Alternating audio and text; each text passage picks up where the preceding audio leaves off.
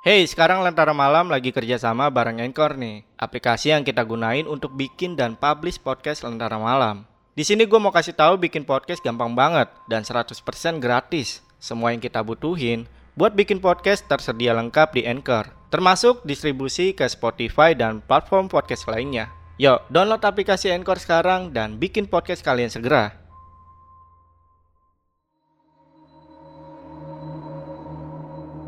Halo semuanya, kembali lagi di Lentar Malam bareng gue Jamal dan masih di podcast original Spotify Lentar Malam. Dan hari ini gue udah kedatangan narasumber yang punya pengalaman horor ketika beliau menjadi satpam di sebuah kantor atau apartemen. Nah kita sapa dulu aja di sini udah ada Om Firman. Om Firman apa kabar Om?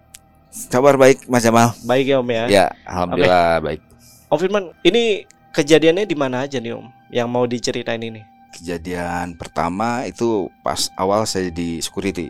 Oke. Iya di daerah Jakarta Pusat, Kemayoran tepatnya. Iya daerah Kemayoran. Daerah Kemayoran. Betul, iya. Oke. Ini ada berapa kejadian yang mau diceritain? Ada sekitar tiga tiga kejadian. Tiga kejadian ya Om. Iya. Dan itu beda-beda tempat. Beda ya? tempat. Hmm. Ada beda tempat ya. Tapi yang unik, yang unik dari cerita dari Om Firman yang tadi udah sempat ngobrol juga sama gua, itu adalah dari ketiga kejadian itu, itu dialamin ketika awal-awal bekerja ya Om ya. Betul. Betul ya Om ya. Iya betul. Jadi ketika saya pertama ditugaskan di tempat tersebut. Hmm, Iya. oke oke. Iya. Untuk pertama kalinya Om Firman ini kerja di tahun berapa Om? Saya pertama jadi security 2004.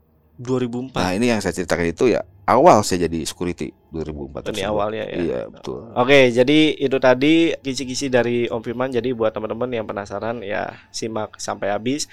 Dan sebelum gua mulai ceritanya, untuk teman-teman yang pengen jadi narasumber di Lentera Malam, kalian bisa langsung aja DM ke Instagramnya Lentera Malam itu ada di @lentaramalam.id. Untuk linknya gue taruh di deskripsi. Yaudah, kalau gitu buat kalian yang penasaran sama cerita lengkap dari Om Firman, simak audio sampai habis dan tanpa basa-basi lagi, podcast horor kita mulai.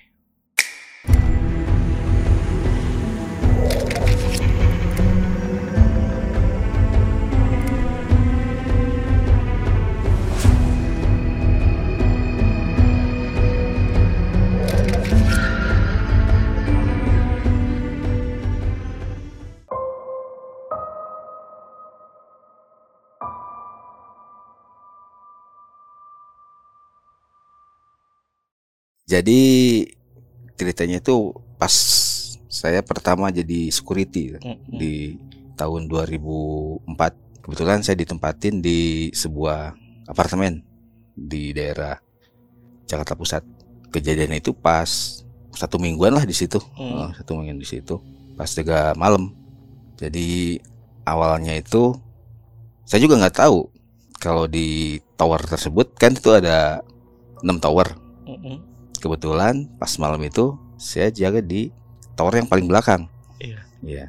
Tempatnya nggak terlalu rame lah. Kalau yang area depan kan ada tempat perbelanjaan apa gitu kan agak rame lah di orang juga banyak lah yang aktivitas di area situ. Iya, iya.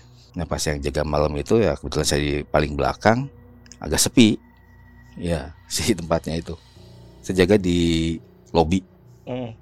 Kalau malam kan gak ada resepsionis. Jadi yang jaga cuma security aja tuh di situ. Saya masuk jam 8. Jam 8 malam. Gak, masih normal sih nggak ada apa-apa lah istilahnya kan.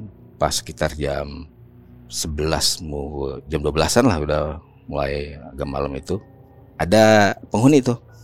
Pas pulang malam tuh biasa kan kalau pulang belanja kita sebagai security bantuin tuh Pak. Mm. Kita bantuin bawa barang.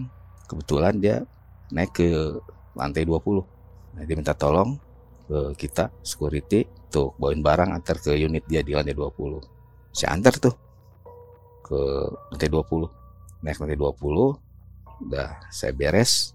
Pas pulang saya sendiri tuh. Kebetulan aktivitas penghuni juga udah mulai sepi jam Iya. segitu ya. Hmm.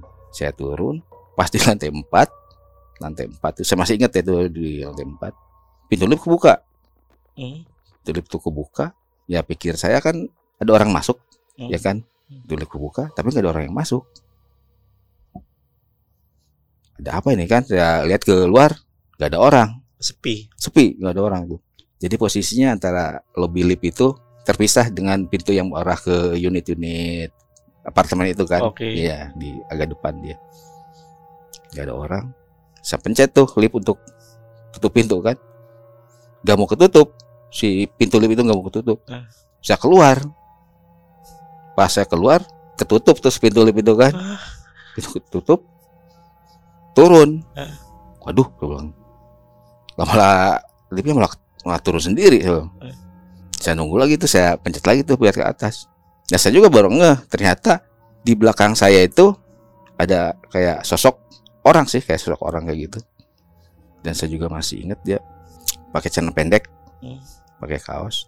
Cuma ngadepnya bukan arah ke saya, bukan ke arah saya. Kan kebetulan di lobby lift itu view-nya itu kaca, Mm-mm. jadi langsung bisa kita lihat ke arah luar tuh. Hmm.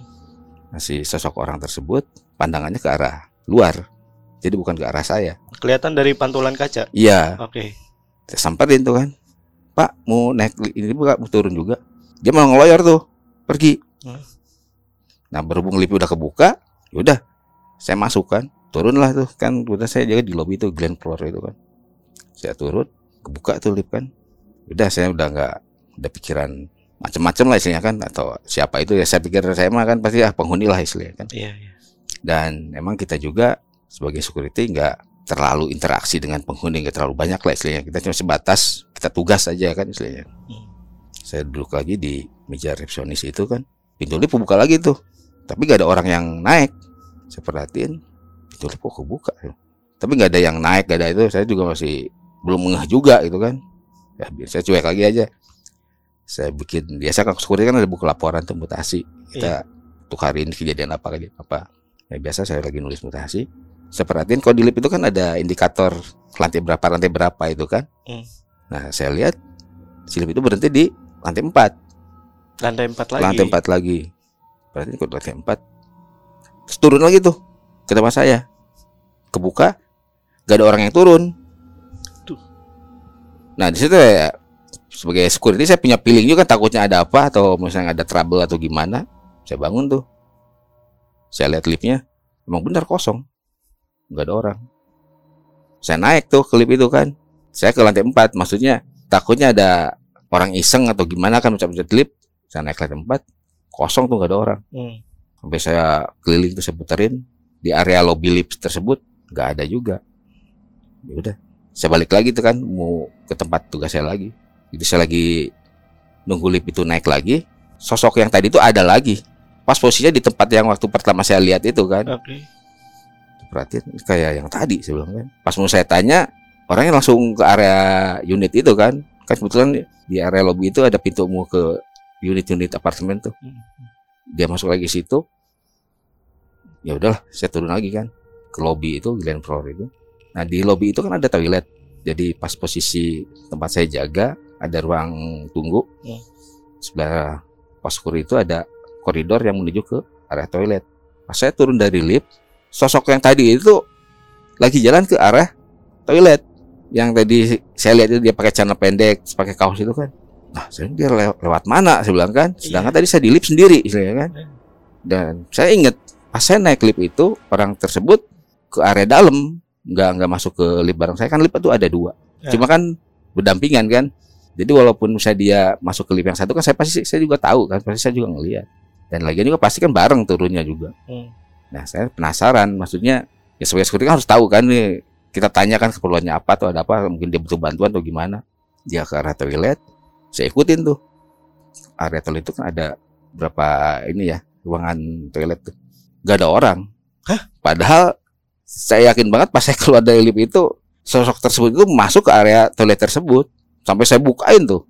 Bang, saya bukain semua toilet itu gak ada orang sama sekali Aduh. tadi saya yakin banget orang itu masuk ke area tersebut istilahnya kan saya balik lagi tuh ke tempat meja itu tersebut tapi saya udah pikir udah udah mulai macam-macam nih ini siapa istilahnya kan istilahnya nih kok tadi saya lewat situ kok dia nggak ada Hmm.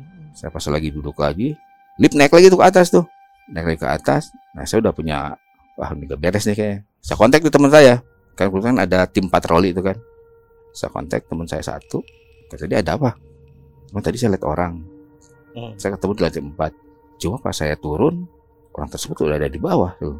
Ah yang bener tuh lah buat apa saya bohong? Saya bilang kan makanya saya manggil situ. Kita cek bareng aja. Saya bilang biar saya juga ada temen lah kan lebih safety lah lebih aman kan kalau misalnya ada yang dampingin.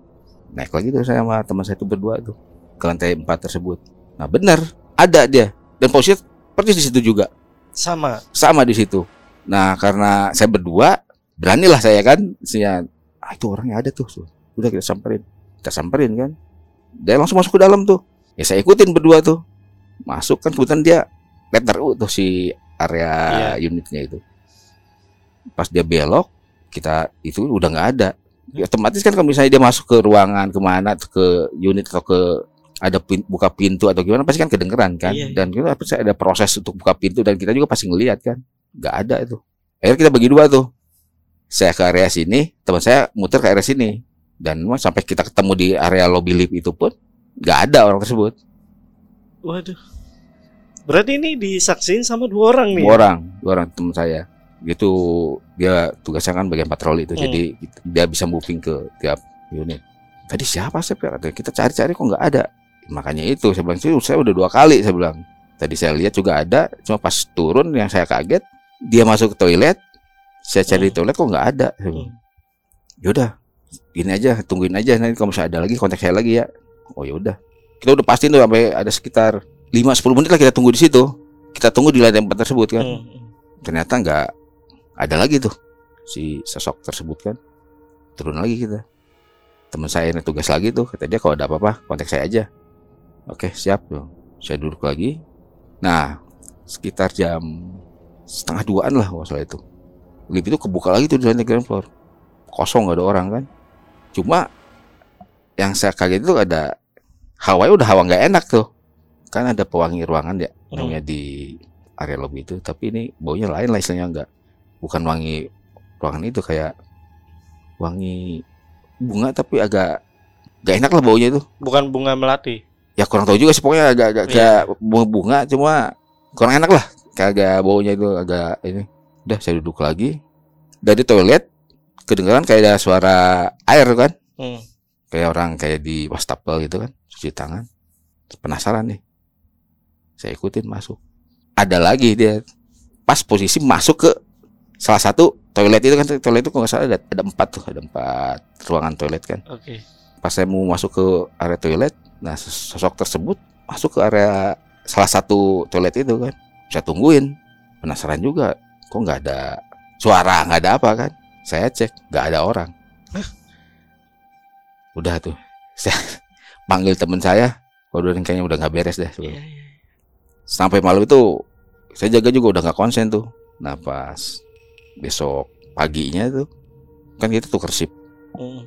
saya cerita tuh sama yang ganti saya jaga kan semalam saya bilang ada kejadian yang agak nggak masuk akal juga sih saya bilang sampai saya juga panggil tim patroli saya bilang kita cek ke atas di lantai 4 lift mundar mandir terus saya bilang berapa kali tuh dari lobby ke lantai 4 dari lobby ke lantai 4 tuh cuma saya lihat ada sosok orang kita kejar berdua pun nggak Iya. ketemu coba. Iya. bahkan dua kali dia masuk toilet saya cari nggak ada orangnya Oke. Nah, kebetulan teman saya itu pas kejadiannya itu dia lagi jaga. Ternyata di lantai 4 tersebut, tapi saya nggak bisa sebutin apartemennya ya, Iya. ada kejadian orang meninggal.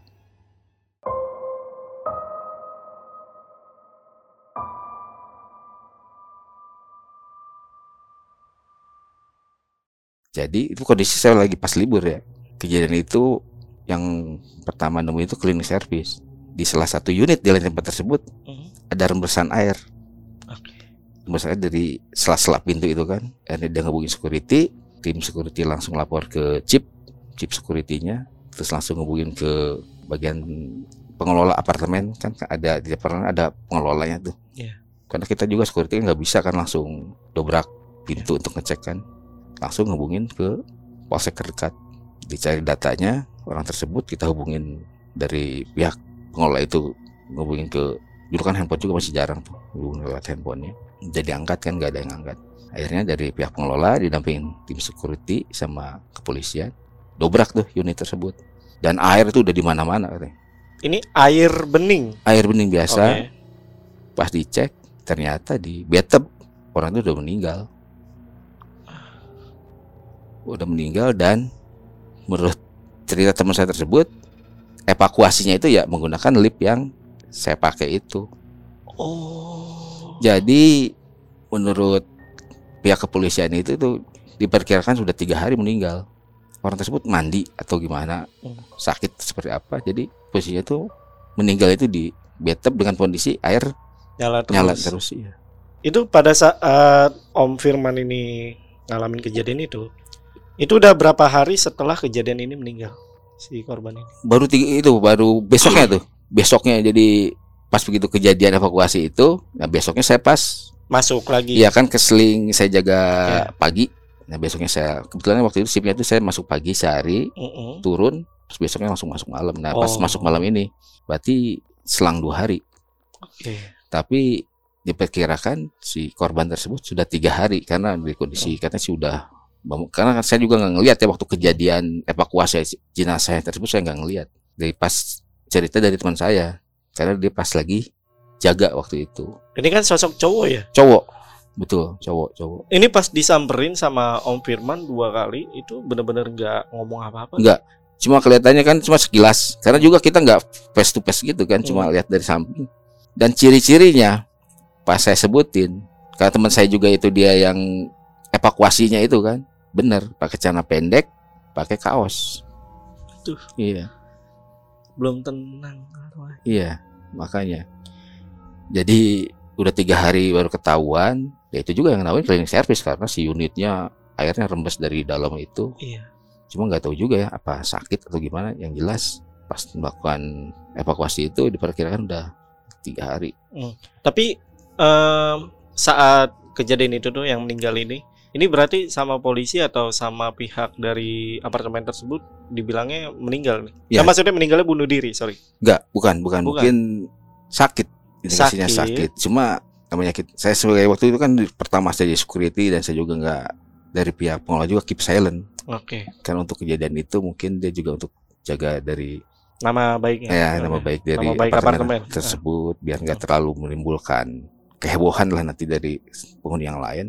Jadi informasi yang saya dapat pun terbatas. Iya, iya. Jadi cuma sebatas dari cerita teman saya yang pas hari itu tersebut dia melakukan evakuasi. Hmm. Ini baru kejadian pertama ini udah agak-agak merinding nih. Ada lagi kejadian gak Om? Itu yang kejadian kedua sama di apartemen juga. Coba bukan di apartemen itu. Oh ini udah pindah lagi. Pindah. Jadi saya tuh di situ cuma satu tahun. Satu tahun kontraknya habis. Kan saya outsourcing. Satu tahun habis. Kita balik lagi kan ke kantor kan. Jeda sekitar dua mingguan baru saya dapat job lagi tuh. Hmm. Iya. Di daerah Jakarta Selatan. Oke. sama apartemen juga. Iya.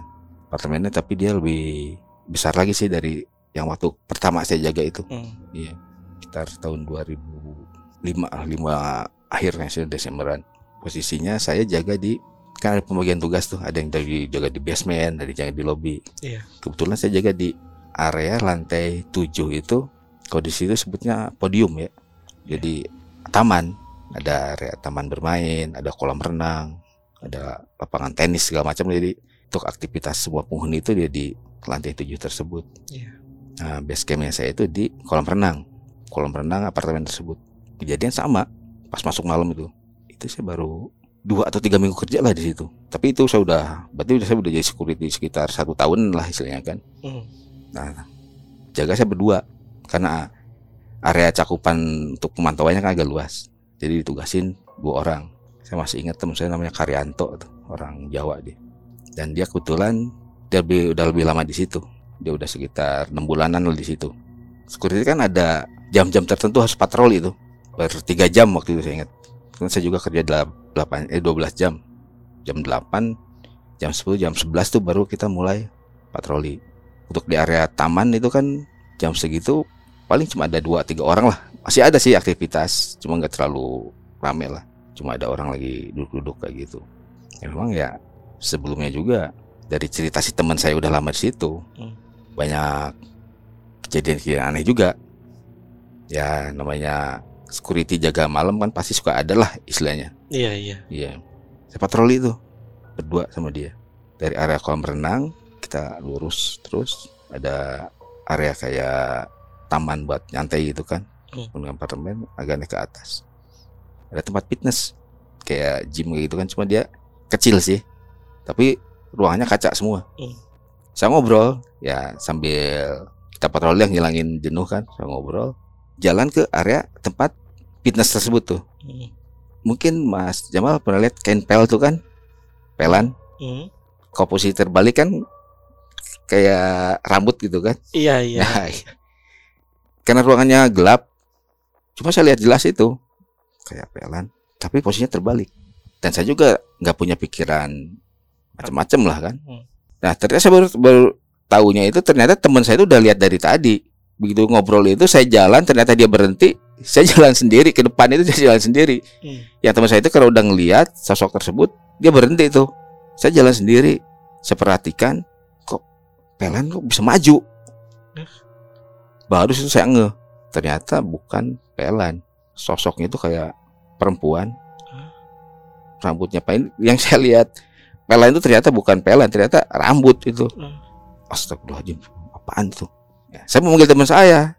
Pas saya lihat ke sebelah ternyata udah nggak ada teman saya ternyata udah berhenti dia. Udah kabur.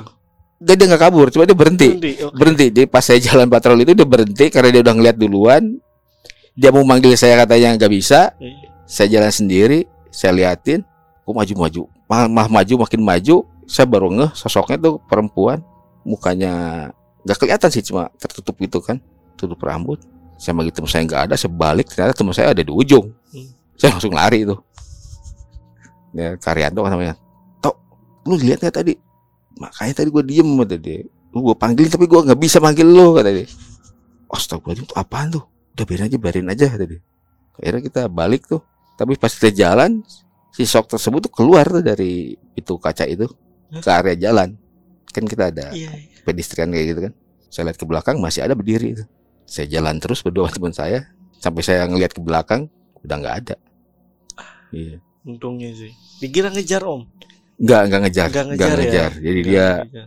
saya juga nggak ngeh tadi itu ya kan? Ya kira itu pelan terbalik tahu ya muslim maju maju nah ternyata dulu katanya situ ada pohon tak pohon apalah di dekat si tempat fitness itu Mm-mm.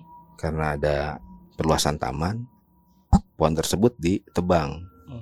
nah semenjak pohon itu ditebang menurut security yang udah lama di situ sering ada gangguan seperti itu Si sosok perempuan ini ya. perempuan itu iya Hmm. Waduh. Dua kali lagi ya. Maksudnya dua Waduh. orang lagi nih, sorry. Iya, dua orang lagi ini. Karena saya jaga istilahnya kan kalau yang waktu di pertama saya jaga sendiri, Hmm. tapi kan ada tim patroli. Mm-mm. Nah, kalau yang kejadian itu ya saya emang berdua. Karena tugas saya emang berdua itu.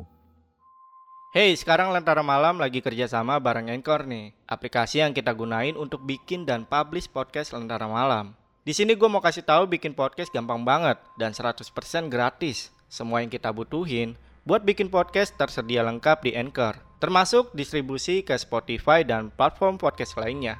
Yuk, download aplikasi Anchor sekarang dan bikin podcast kalian segera. Ini kejadian kedua lagi-lagi kan sama dua orang nih om. Iya, betul. Ada lagi gak om?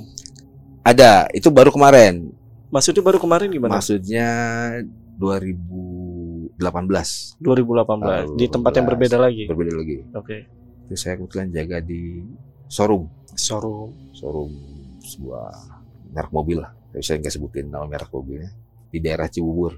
Saya satu tim itu jaga bertiga. Yang namanya saya outsourcing kan begitu habis kontrak pindah. Nah kebetulan ya pas 2018 itu Mm-mm. saya ditugaskan di showroom mobil tersebut.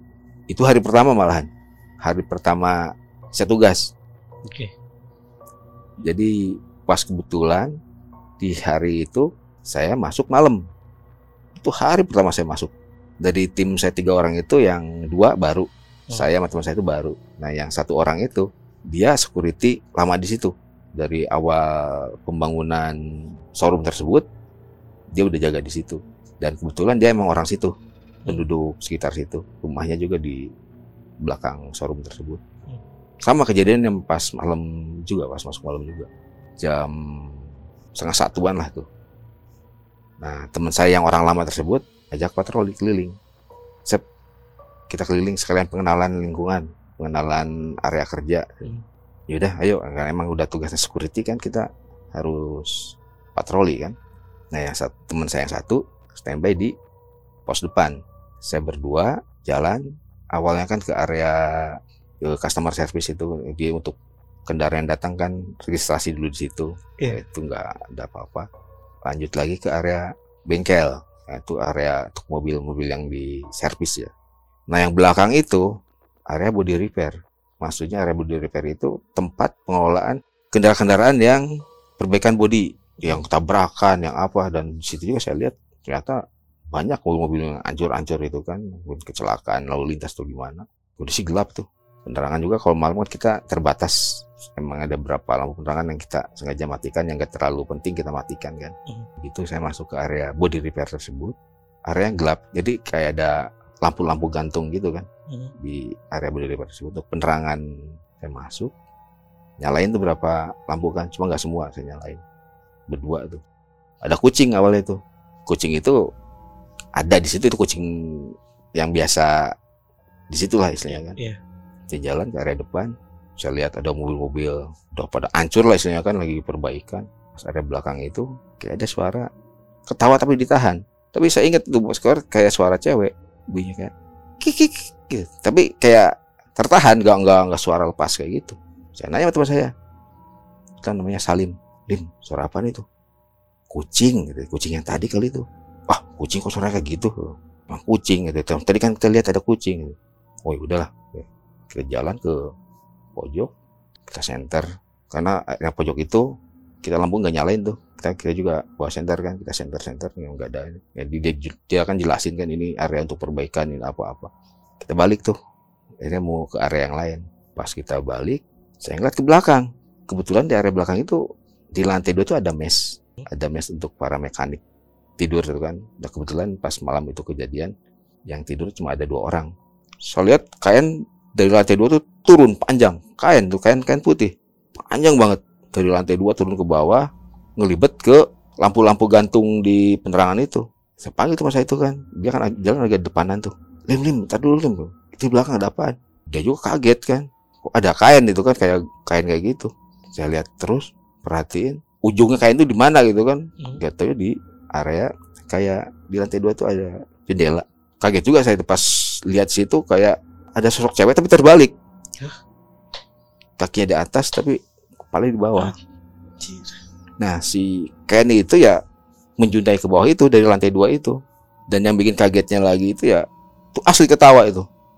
Ketawa kayak tapi kita kayak ketawa suara cewek gitu. Kita mau lari juga sama kita security kan istilahnya kita dibekalin nggak boleh. Takut juga kan Takut, istilahnya kan. kita perhatiin. Teman saya ternyata udah kabur duluan jadi pas saya ngeliat sosok tersebut dia udah kabur duluan. Hmm, akhirnya ya saya juga terbawa juga. Saya ikut lari juga itu. Iya. ikut lari juga udah langsung kita keluar pintu ke depan. Apa itu tadi? Udah biarin aja katanya emang udah sering lihat katanya emang ada di situ. Itu asli tuh kain panjang banget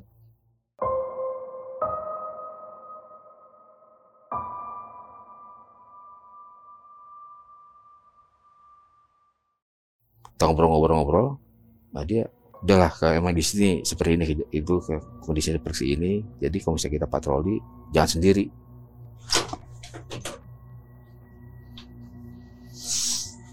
Bentar ya, ini lampu di studio jatuh, nggak tahu kenapa ini.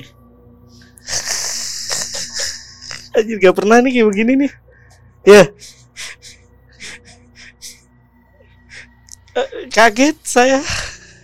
Gak pernah nih om kayak gini om. Serius om. Wah. Ini kenapa ini? Udah yuk lanjut ya. Mudah-mudahan gak ada apa-apa.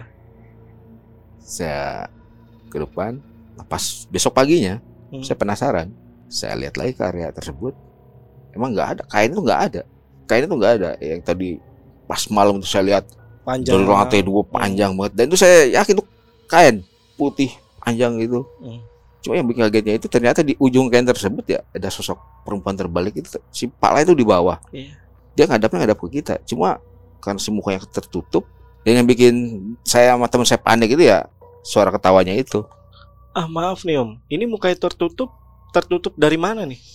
dia terbalik Iya. nah si rambut si kainnya itu kan turun Oh iya. nah agak jadi nggak nggak jelas kelihatan semua karena ada Si kepala kain itu. kebalik Hmm. nah kainnya itu kan menjuntai-juntai gitu tuh Hmm. nah, itu hari pertama itu saya jaga itu Lagi-lagi hari pertama atau pertama, awal-awal ya? awal-awal Iya, iya awal-awal kerja lagi-lagi ya. kenalan lah mungkin kan Ah, Iya. nah teman saya itu paling lama di situ ah. dan sekitar tiga bulan kemudian baru kena batunya dia padahal itu paling senior di antara saya itu dia paling senior Hmm. Ini bukan yang nemenin Om tuh ya? yang nemenin saya itu Oh, yang nemenin. Oke. Dia itu. Dia bilang di sini udah biasa. Dia bilang biasa-biasa lu lari bilang. Iya, benar. udah katanya saya juga udah sering lihat kayak gitu katanya. Oh ya udahlah bilang. Nanti kita patroli berdua aja ya. Bilang jangan sendiri. Sendiri udah saya lupain kan udah sekitar tiga bulanan itu. Kita satu tim sama tuh bertiga tuh. Dia patroli sendirian. Tadi saya mau nemenin. Saya, saya patroli dulu ya. Temenin nggak? Udah nggak usah. Sendirian aja. Saya berdua sama teman saya tuh di pos depan kebetulan di pos depan itu monitor CCTV ada di pos depan Oke. Nah, jadi teman saya itu yang di pos itu mantau lewat CCTV. Ya, saya ngomong ke dia, pantau Salim lagi patroli. Saya ngerokok tuh di area depan. Tapi bukan di dalam pos, di luar pos. Ngerokok. Nah, ini menurut cerita teman saya itu ya, Hmm. Salim itu. Dia lagi ke area dalam, patroli, terus ke area luar. Nah, di pas di depan ruang customer service itu, di luar, ada tangga menuju jalan sih, bukan tangga sih jalan, buat mobil-mobil stok baru di atas. Nah pas di tanjakan itu di pojok itu ada bak sampah. Oke. Ada bak sampah. Nah teman saya tersebut pas patroli dia ngelihat kayak ada pot bunga, pot bunga terus ada bunganya gitu kan. Tapi bukan bukan bunga kembang, bukan kayak tanaman lah istilahnya kan tanaman. Dia patroli itu. Pas sudah jalan lewatin bak sampah tersebut, dia baru sadar di bak sampah tersebut nggak ada pot bunga kata dia. Ya, emang saya juga tahu di bak sampah itu nggak ada pot bunga. Dia balik lagi. Dia balik lagi, dia perhatiin, kok kayak bukan bunga. Disambarin, tahu apa nggak bang? Kepala. Kepala, rambutnya panjang, jatuh tuh. Panik dia. Kan kalau malam pintu-pintu itu kita kunci kan, cuma ada akses buat kontrol aja tuh, ada satu pintu yang kita emang kita nggak kunci kan. Saya juga nggak nggak nggak tahu tadi pas teman saya yang ngawasin CCTV panggil saya Sep itu lihat si Salim dia kok nabrak-nabrak pintu? Jadi kan dia panik pintu mana aja dia coba masuk. Iya, iya, iya. padahal pintu terkunci kan. Saya bilang di mana itu di area belakang di area servis. Saya langsung ke belakang ke tempat pintu yang terbuka itu kan. Dia udah pucet tuh udah mondar mandir mondar mandir nggak karuan. Padahal dia tahu jalan masuk itu dia tahu tapi mungkin karena kondisi panik Panik. dia nggak sadar saya panggil. Lim sini ada apaan? Dia langsung keluar nabrak saya langsung ke area pos depan. Langsung duduk tuh dia tuh. Mukanya pucat gemeteran tanya sama teman saya ada apa ada apa? Gak ngomong tuh dia tuh gak bisa ngomong dia. Akhirnya kita kasih minum kan. Lu tenang dulu tenang dulu nanti baru cerita ada apaan. Nah, dia baru cerita itu ya pas tadi pas kontrol tadi pas patroli kirain kata dia tuh di atas bak sawah itu pot bunga Hmm, ada tanamannya lah gitu kan Iya.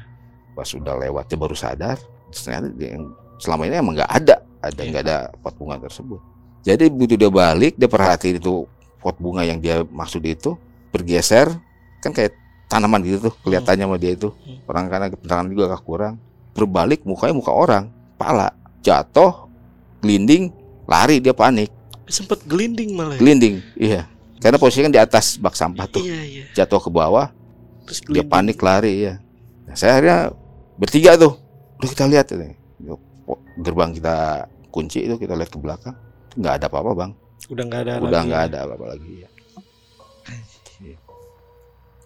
Showroom tuh ya. showroom Atau Ini berarti showroomnya gede nih, Om. gede Gede ya. jadi untuk wilayah Jabotabek untuk merek mobil tersebut paling besar Paling besar. bahkan yang dari luar area Jakarta Timur perbaikan ke situ untuk body repair karena untuk merek mobil tersebut yang ada body repairnya hanya di tempat saya itu kok yang lainnya kan cuma servis biasa Iya, iya. perawatan Oke. Ya, untuk untuk perbaikan body cuma ada di situ Oke. ya mungkin kalau yang punya merek mobil tersebut dan tahu areanya pasti tahu showroomnya apa Mm-mm. Nah, ini kan kejadiannya selalu di awal-awal Om Firman ini kerja ya. betul ya Om Firman pernah ngerasain firasat gak sih kalau misalkan lagi mau berangkat kerja atau hari sebelumnya tuh kayak nih kok perasaan gak enak nih? Ada apa nih? Biasa aja sih nggak ada nggak ada Nggak pernah ya? ya nggak pernah. Cuma pas di showroom itu akhirnya saya nanya tuh karena kebetulan teman saya kan orang situ. Oke. Dia baru cerita bahwa ternyata di dulu itu Hmm. lahan tersebut itu kan kalau orang-orang dulu itu kan menguburkan keluarganya itu nggak di pemakaman tapi di tanah dia sendiri di lahan dia sendiri. Ah. nah begitu lahan tersebut dibeli sama si showroom tersebut di situ ada berapa makam keluarga. Tapi jasadnya sudah dipindahkan. Ah. jasad sudah dipindahkan. Utuh tapi ya dipindahkan ya? Pindahkannya utuh. Karena yang lebih tahu itu teman saya karena dia dari pas pembangunan iya. Showroom itu dia udah jaga di situ saya bilang ya pantas lah mungkin aura-aura negatifnya masih ya energinya tuh masih Iya, ada. masih ada ya jadi ada sekitar empat kuburan yang dipindahkan. Pindahkan. Dan kebetulan ya area di area tersebut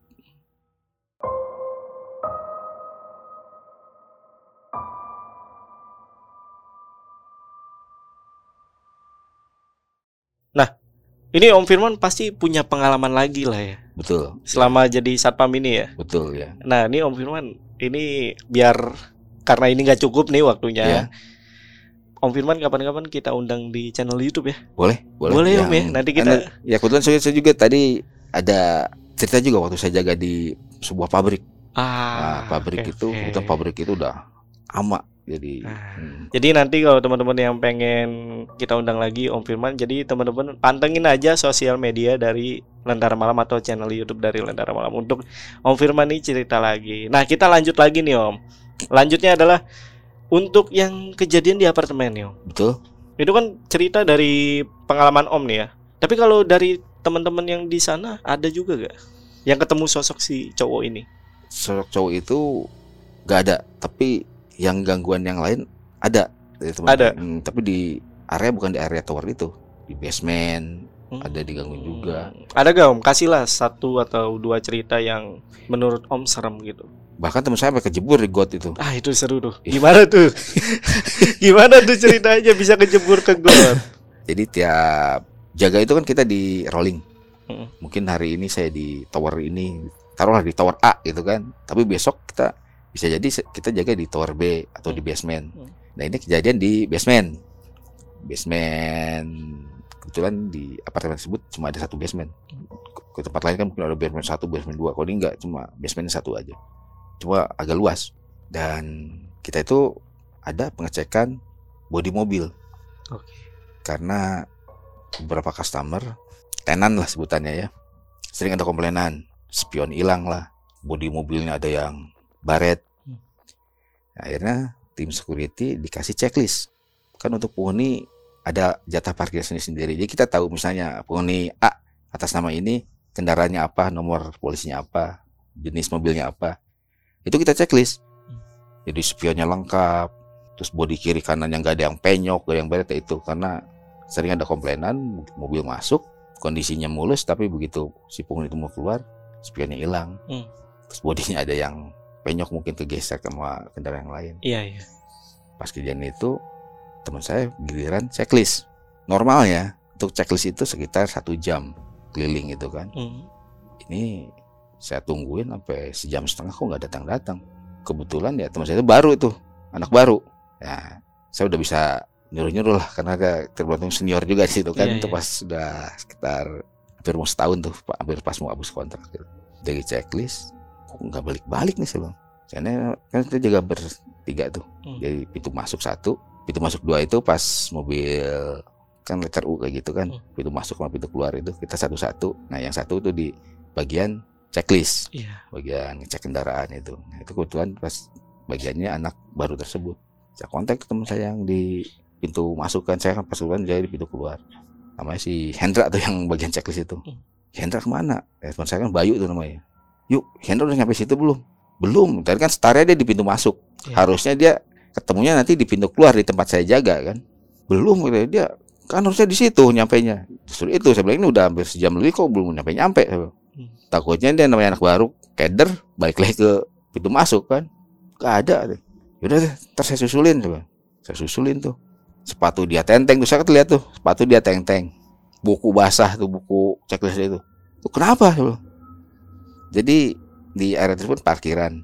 Nah di sela-sela parkir itu ada drainase saluran air. Jadi untuk dari basement tuh nanti airnya kan ke situ tuh buat drainase air. Hmm. Ya, dia kejebur di got tersebut. Menurut cerita dia itu dia lagi checklist di luar hujan. Luar tuh kondisi hujan. Dia lihat ada cewek pakai baju merah bawa payung. Menurut cerita dia itu. Eh. Ya secara logika kan istilahnya di dalam basement kan gak hujan. Kenapa dia pakai payung gitu ya, malam-malam kan? Dia, dia, dia liatin, Mbak, mau ke mana? Nggak nyautin tuh, jalan terus tuh. Samperin terus sama dia, masuk ke sela mobil, gak ada tuh. Gak ada, dia cari-cari. Ke mana? Dia checklist lagi, ada yang manggil-manggil di belakang. Pak Satpam, Pak Satpam, suara cewek. Iya.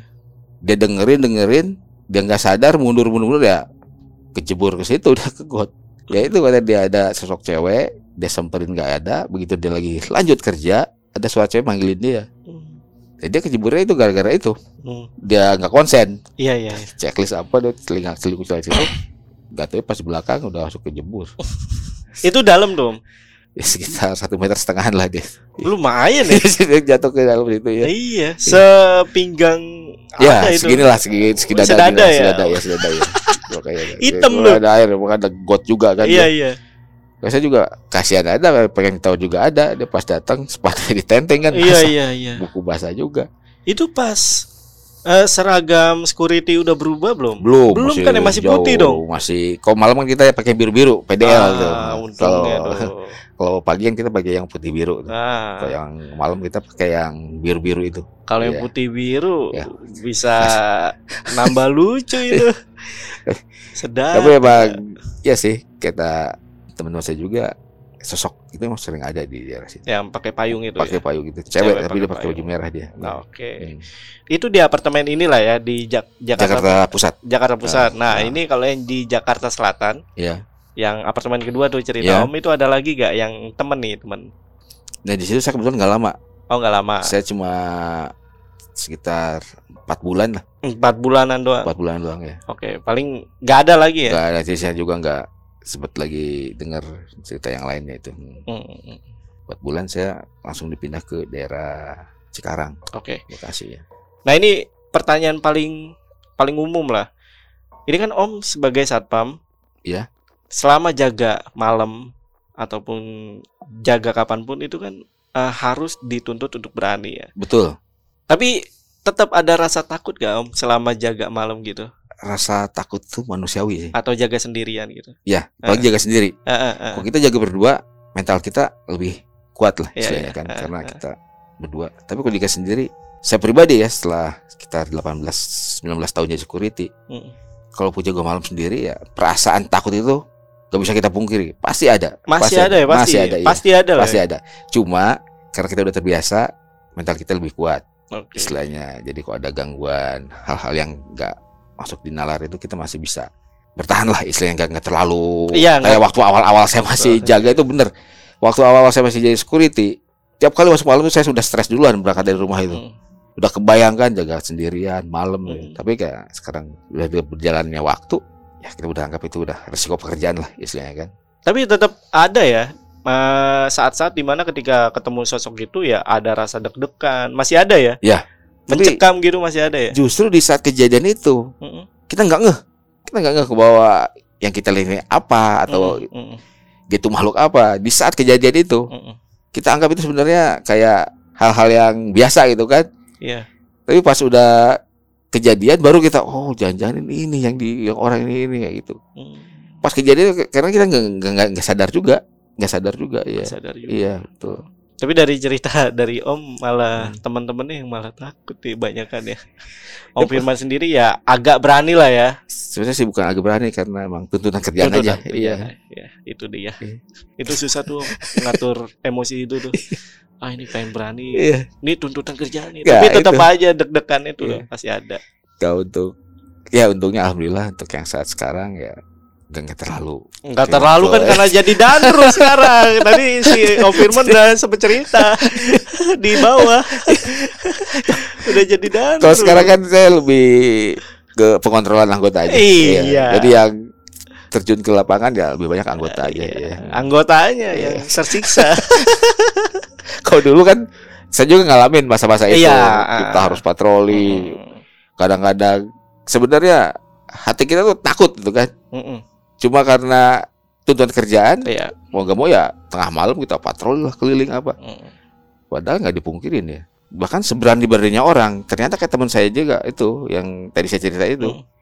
Dia udah lama di situ dan dia juga termasuk ya. Kalau menurut saya sih dia berani orangnya kan. Hmm. Dia berani patroli sendiri. Ternyata begitu melihat sosok Iya. seperti itu langsung panik juga. Itu kan. dia. Iya. Pasti panik Iya. pada saat kejadian, pada saat ditongolin. Iya, tapi Tapi itu manusiawi lah ya. manusiawi ya, Manusiawi betul, lah. betul, ya. Tapi memang kalau misalkan diceritain atau didengar sama atasan ya pasti atasannya ketawa lu gue. Tetap saya itu nggak mau terima. Iya. Istilahnya ah masa sih? Iya Ya, iya ya, pasti seperti itu, itu. sih. Iya. Dan saya itu luar biasa ngalamin. Termasuk sekarang juga saya gitu. Kalau anggota saya ngomong ya masa sih? Ya. Padahal dulu saya juga ngalamin kan. Iya. Padahal dulu saya juga ngalamin hal seperti itu kan. Iya. Masa sih orang Jepang kok. Lanjut ya.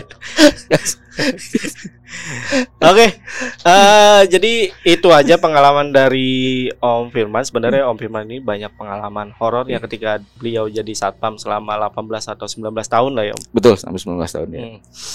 Tapi eh, kita berencana untuk syuting lagi di channel YouTube-nya Lentera Malam. Jadi buat teman-teman ya pantengin terus Lentera Malam, baik di channelnya atau di sosial medianya Lentera Malam.